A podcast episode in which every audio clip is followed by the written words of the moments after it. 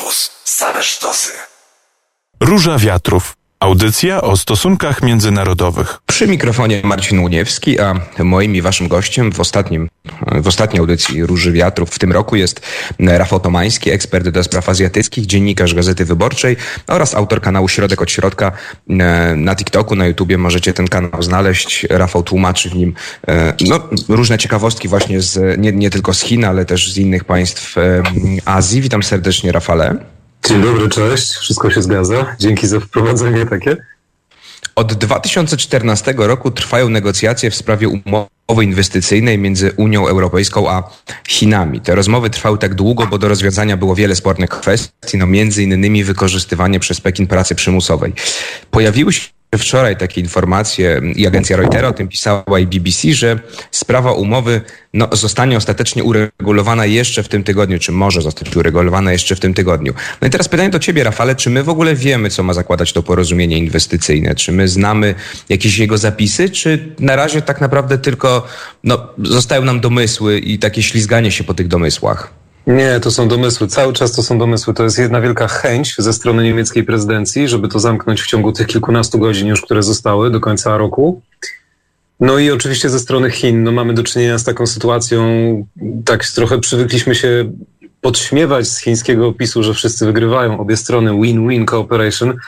Zawsze tak Chińczycy przedstawiali wszystkie umowy ze sobą zawierane, ale no jakby w duchu tego, że wszyscy wygrywają, czyli i Unia, i Chiny, ma dojść do porozumienia właśnie finalizacji tych siedmiu długich lat e, rund rozmów, no ale nie wiadomo, co jest w środku. Poza tym e, też nawet te ostatnie informacje, które były z połowy grudnia, które zostały zanegowane ostatnio w Brukseli przez Polskę, o czym też warto porozmawiać później, e, są trochę w sprzeczności z tym, co Chińczycy ostatnio ustalili u siebie bo Europa ma teoretycznie dążyć do tego, żeby europejskie, zachodnie, zagraniczne firmy miały większy dostęp do chińskiego rynku, a, a teoretycznie tak ma się nie stać według ostatnich wytycznych przyjętych no, na szczeblu centralnym przez Chiny, więc nie znamy szczegółów. Wiemy tylko, że obie strony chcą, ale czym to się zakończy i jak to będzie wyglądało, to naprawdę to jest gra w bardzo wiele domysłów i chyba trochę nie ma co ich snuć, bo one się mogą zmienić y, w ostatniej chwili. A może w sumie warto je snuć, bo może y, i tak się nic nie zmieni. To jest właśnie taka sytuacja trochę dziwna. To skupmy się na tych kwestiach spornych i tutaj możemy też poruszyć y, kwestię polskiego sprzeciwu. Mm, mhm. No bo padają oskarżenia ze strony Brukseli, że Chiny wykorzystują pracę więźniów w obozach pracy. No i to jest oczywiście problem, jeśli chodzi o zawarcie takiej umowy. No czy kwestie na przykład dostępu do chińskiego rynku dla europejskich firm. Tutaj też mm, no, część ekspertów twierdzi, że Chiny nie grają uczciwie, jeśli chodzi o te negocjacje.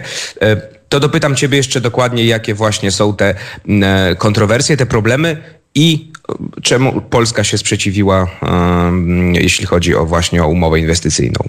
No to może zaczynając od końca. Polska się sprzeciwiła otwarcie, mm, to było chyba bodajże w poniedziałek późnym popołudniem, ale tutaj no, jakby to są te ostatnie godziny. Naprawdę mhm. to będzie prawie że na żywo poniedziałek późnym popołudniem w Brukseli nasz przedstawiciel przy Unii Europejskiej stwierdził, że przekazał ze strony polskiej, że to stanowisko, które wyraził z kolei minister spraw zagranicznych Rao e, trochę przed Wigilią, też kilkanaście godzin przed Wigilią, że nie powinno być dążenia do szybkiej umowy z Chinami, tylko powinny być to spokojne, merytoryczne konsultacje. No, mówimy tutaj o okresie, który zamyka 7 lat y, rozmów, więc no jakby siłą rzeczy to nie chodzi o to, że nagle ktoś wpadł na szalony pomysł. Podpiszmy porozumienie z Chinami, obojętne co w nim będzie. Chodzi o to, żeby zewrzeć nasze dwa rynki. No to i tak jest, to ma być efekt wielu lat rozmów, więc ewidentnie było to działanie polityczne. Pytanie, w czyim interesie?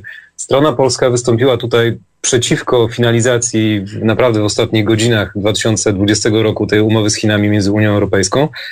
E, dlatego, że za chwilę jest e, inauguracja nowej prezydencji Joe Bidena w Stanach Zjednoczonych.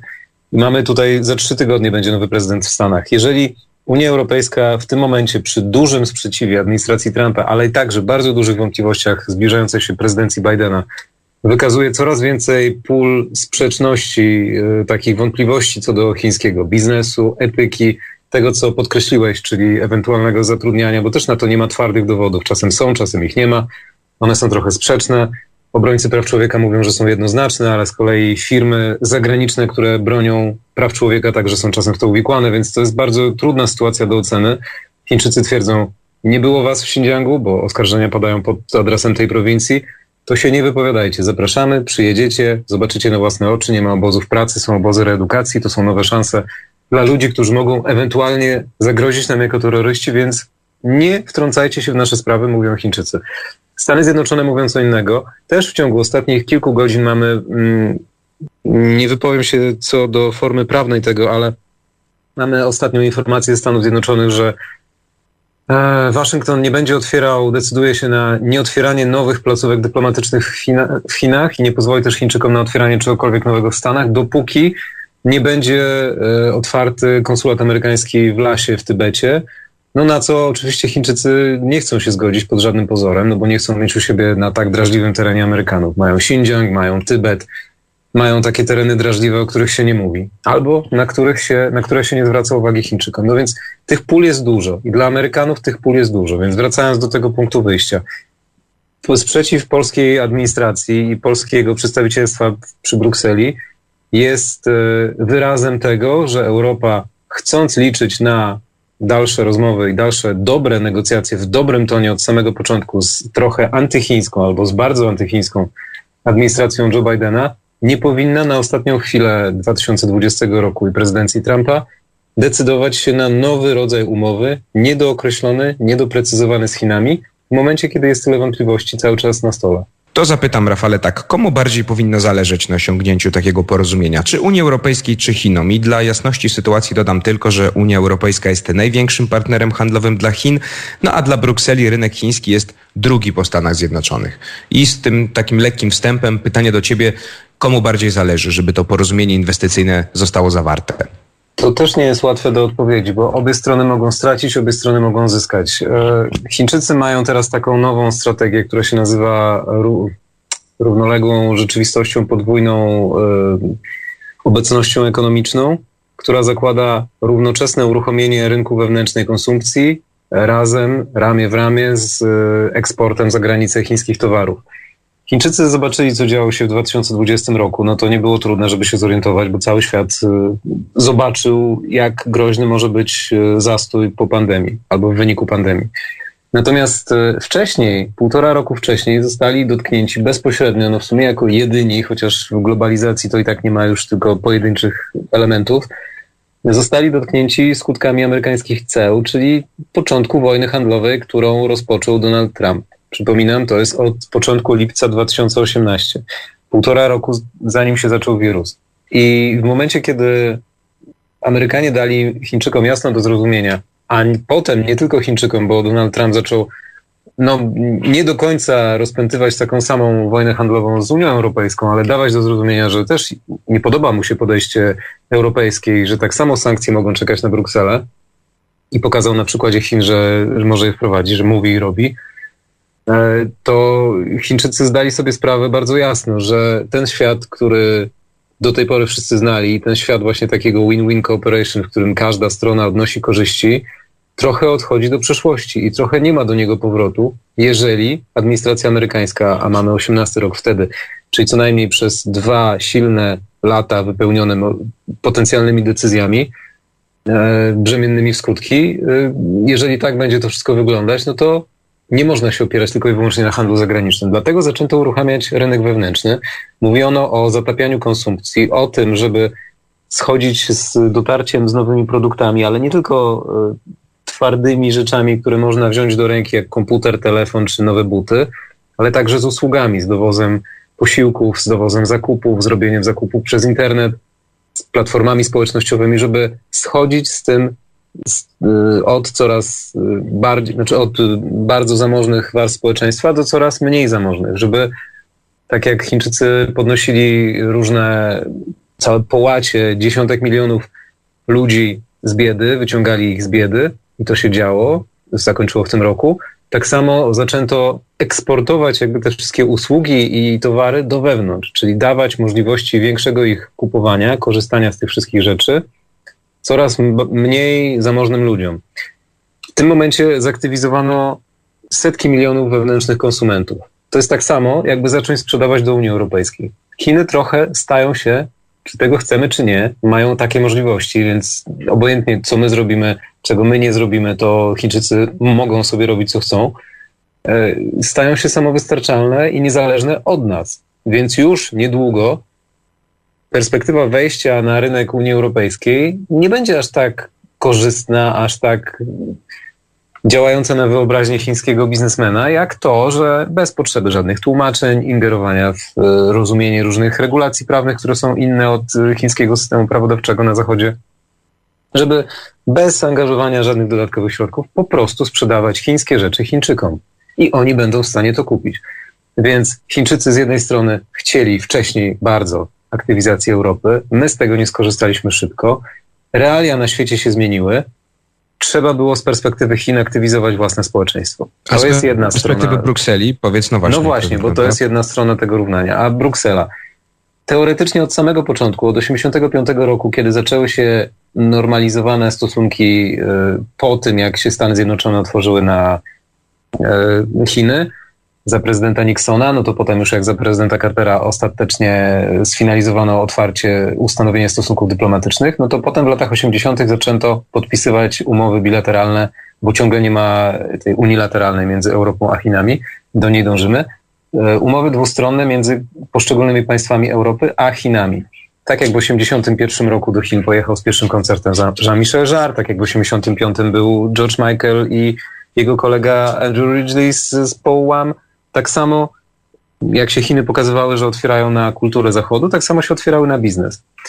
Tylko, że lata 80., 90. to były początki otwierania się ekonomicznego Chin. No teraz już mamy tego, powiedzmy, apogeum, chociaż do niego jeszcze daleko. Natomiast e, Europa cały czas, mając zagwarantowany równy dostęp do e, chińskiego rynku, nie miała go. Więc walczy, dążąc do e, ustanowienia tej umowy, tej, o której mówimy od samego początku, dąży do tego, żeby taki dostęp do chińskiego rynku mieć. A na razie na przykład zagraniczni partnerzy, którzy wchodzą w, na chiński rynek, nie mogą po pierwsze wejść sami. Musi być zawsze joint venture z chińskim partnerem. W tym momencie trzeba, państwo obliguje do przekazania technologii. Jest transfer technologii, który jest y, używany potem przez partnerów zagranicznych, zachodnich, do określania chińskiego rynku jako złodziejski, jako kopiujący technologię. Dobrze, pozwalacie nam wejść, ale musimy przekazać wam część swoich patentów, no więc wy je zaraz szybko odwrotną inżynierią rozkładacie na czynniki pierwsze, robicie po swojemu i nas nie potrzebujecie już. Więc tego Europa chce uniknąć. Ale z kolei tutaj chińskie podejście jest trochę niejednoznaczne, bo na początku roku na kongresie partii mieliśmy powiedziane, że tak, tak się stanie, jak chce Europa, a teraz to, od czego zacząłem na początku w pierwszym wejściu, teoretycznie chińskie państwo twierdzi, ostatnie ustalenia październik-listopad, no, że ten, to otwarcie chińskiego prawodawstwa nie będzie aż tak duże. Czekają na wejście na chiński rynek zachodnie banki. Cały czas to jest droga przez mękę. Cały czas to jest bardziej e, wyciąganie przez Chińczyków swojego standardu Union Pay kredytowego za granicę, niż wciąganie wizy i Mastercardu do środka, do siebie, do Chin. No więc Europa się boi, Chińczycy się boją, Europa chce skorzystać, Chińczycy, też chcą skorzystać. To jest, to jest naprawdę trudna układanka i ewidentnie politycznie ma się nie układać. Czy w takim razie to porozumienie nie stwarza pewnego zagrożenia dla, dla Unii Europejskiej, czy może nie jest jakimś takim rodzajem pułapki dla Unii Europejskiej? No bo mm, ono w jakiś tam sposób uprzywileju, nada, znaczy zyskają chińskie firmy pewien rodzaj uprzywilejowania, no a Unia Europejska z kolei na rynku chińskim, e, no właśnie to, co powiedziałeś, bardzo trudno jest na niego wejść, potem są problemy problemy natury yy, prawnej, czy kwestie właśnie kopiowania. No, część ekspertów przekonuje, że Pekin tak naprawdę dokonał tylko pewnych drobnych ustępstw na rzecz Brukseli, a zawarcie porozumienia no, będzie symbolicznym zwycięstwem, zwycięstwem Pekinu. Czy faktycznie może tak być? Czy zgadzasz się z takim, z takim twierdzeniem? Zgadzam się, ale cały czas trzeba mieć w pamięci to, że z Chińczykami, w ogóle z Azjatami, ale z Chińczykami w szczególności ze względu na skalę ich kraju i, i to, w jaki sposób oni już w ogóle rozmawiają teraz ze światem, nie rozmawia się tak, jak my jesteśmy do tego przyzwyczajeni. To nie jest taka rozmowa, oto wchodzimy z gotowym kontraktem, ma być tak, jak chcemy, tutaj można zmienić ewentualnie treść jednego punktu, no może jeszcze ingerencja w jeden podpunkt i tyle. I uścisk ręki, podpisy złożone pod dokumentem oznaczają, że nie ma żadnych zmian. W Chinach dla Chińczyków to coś takiego jest dopiero wstępem do dalszych rozmów. Dlatego my teraz od początku tej rozmowy mówimy, że w sumie nie wiadomo, co jest w tym porozumieniu Europa i co ma być w tym porozumieniu Europa-Chiny, bo to, że te 7 lat negocjacji mają być teraz finalizowane, choć pewnie i tak nie będą, przy tym co widać, to, to dopiero początek. To jest wstęp. Dla Chińczyków, no dla nas to może być jedna wielka strata czasu. Mój Boże, możemy stwierdzić, 7 lat pracują nad tym sztaby specjalistów i dalej nic nie uzgodnili. No, no jak to tak może być? To ja wysyłam człowieka u nas, dogaduję się z potencjalnym klientem czy dostawcą i już od razu zaczynamy produkcję. Dobrze, Chińczycy tak rozmawiają ze sobą, ale nie z zagranicą. W Chinach takie tempo działa, ale z Chinami zagranica tak nie rozmawia, więc trzeba być cierpliwym. To raz. Za każdym razem, kiedy ktoś podnosi głos, tak jak Polska, wystawiając rękę, że a, przepraszam, mi się nie podoba, to trochę takie jest szkolne, proszę pani, tam ja coś na przykład, nie wiem, nie uważał na lekcji. To jest nie, nie jakiekolwiek intencje by nie, przys, nie mm, przyświecały osobie zgłaszającej uwagi do umowy z Chinami, to z perspektywy Chin jest to bezsensowne, bo ani umowa nie jest wiążąca, ani podkopywanie zaufania, które jest zbudowane w toku tych długich negocjacji, nie działa na korzyść żadnej ze stron. Więc takie rzeczy, do jakich, jakie uwagi zwraca Polska, na co teraz zwraca uwagę Polska na przykład, po pierwsze, można doprecyzować później. To, że zostanie zawarta umowa z Chinami, o niczym jeszcze nie przesądza. Ani się nagle nie otworzy rynek dla europejskich y, przedsiębiorstw, ani nagle nie otworzą się jakieś złote drzwi do skarbca chińskiego rynku i prawodawstwa. Ale to, co się osiągnie, to budowa. I Chińczycy nawet są w stanie w tym momencie, jeżeli do podpisania takiej umowy miałoby dojść, nawet w ciągu tych ostatnich kilkunastu godzin tego roku, mogą zobaczyć, że mimo wszystko na europejskich partnerów będzie można liczyć, bo nie będzie im straszna perspektywa zmiany władzy w Stanach Zjednoczonych, nie będą się płaszczyć przed Amerykanami, obojętnie czy ktoś się obruszy na słowo płaszczyć czy nie, e, nie będą w ten sposób ulegli wobec Waszyngtonu, tylko będą wiedzieli, że potrafią myśleć po swojemu, bo tego, co zrobi Waszyngton, to i tak nikt nie przewidzi, bo teraz mówi jedno, a potem może mówić drugie. A Chińczycy konsekwentnie dążą do otwierania swojego rynku. To, na jakich zasadach to robią, jest kwestią drugorzędną, ale otwarcie rynku, który ma półtora miliarda ludzi, no kiedyś bardziej działało na wyobraźnię, teraz trochę mniej, ale jak mieliśmy lata początkowe w XX wieku, to tak samo pisano książki 300 milionów potencjalnych klientów. Potem Chiny rosły siłę 400 milionów potencjalnych klientów. Jak była jak był cały konflikt związany z Kambodżą, jak byli Czerwoni Kmerzy, to Chińczycy wysyłali karabiny armii Polpota z napisem 800, bo wtedy było ich 800 milionów już i to miało przypominać Kmerom, że 800 milionów ludzi popiera to, co oni robią. No oczywiście reżim, masowe mordy, komunizm skrajny i wszystko, co złe, ale skala jest ogromna. Jeżeli ktoś dostawał taki karabin z liczbą 800, to myślał sobie o tym, że nie jest sam. I rozmawiając z Chinami, nie rozmawia się z jednym człowiekiem, rozmawia się ze skałą prawie, że. Rozmawia się z monolitem, który się nie ruszy. On się do nas nie dopasuje, to my się możemy do niego dopasować. I na Chińczyków te argumenty, które wspominałeś o pracy przymusowej, o tych niewolniczych tam różnych praktykach, nie robią żadnego wrażenia, wręcz przeciwnie, tylko ich irytują. To co ze Stanami Zjednoczonymi? Dopytam cię jeszcze. Powiedzieliśmy o tym e, trochę, no bo w liście otwartym podpisanym przez kilkunastu ekspertów w dziedzinie stosunków międzynarodowych, między innymi e, przez szefa Polskiego Instytutu Spraw Międzynarodowych, no jest podnoszony argument, że właśnie takie szybkie podpisanie, czemu sprzeciwiła się Polska, porozumienia w jego obecnej formie, no może podważyć partnerstwo transatlantyckie, może mówiąc, mówiąc kolokwialnie, zdenerwować po prostu administrację Joe Bidena i wpłynąć też na relacje Waszyngton-Bruksela.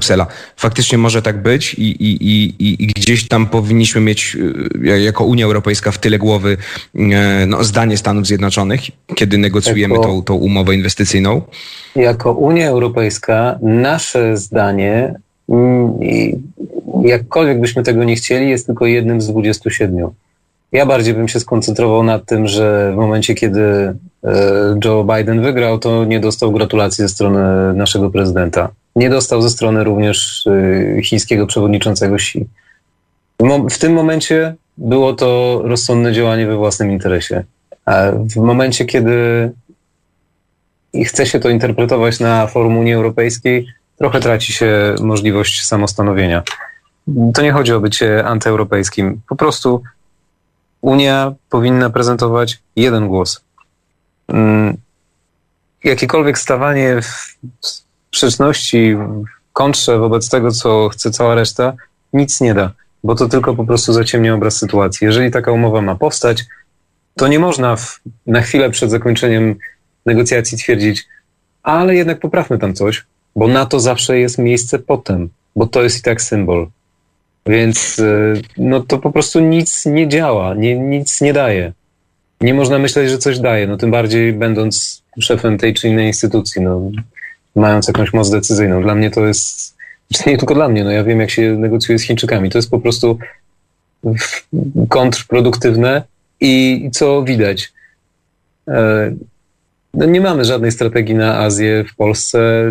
Chce ją mieć Europa i my nie mając swojej na Azję chcemy narzucić Europie, że będziemy mieli lepszą. No to jest, to jest bzdura, no. Ale patrząc szerzej, Rafale, bo kwestia Polski, ale patrząc szerzej, czy Unia Europejska zawierając to porozumienie w takiej formie i w takim czasie, na, no, w jaki sposób, no właśnie, nie, nie naraża się na, nie wiem, krytykę ze strony Stanów Zjednoczonych, czy na, na pogorszenie tych relacji? No, za Donalda Trumpa one były bardzo... Duża. Unia Europejska jest duża. Była uległa wobec Stanów Zjednoczonych, w ogóle nie, chodziło, nie wchodziło w grę żadne układanie się ze złymi Chinami, jak to jest teraz przedstawiane. Nie było żadnych argumentów o obozach pracy lata temu, jak jeszcze Donald Trump obejmował urząd. To jest kwestia ostatnich lat, ostatnich kilkunastu miesięcy. Nie było w ogóle takiego, takiego, no nie wiem, wycierania Chinami wszystkiego, co najgorsze, no bo czegoś takiego doświadczamy ostatnio, już w trakcie wirusa, no to już na porządku dziennym, ale od początku wojny handlowej. Co złego to Chiny?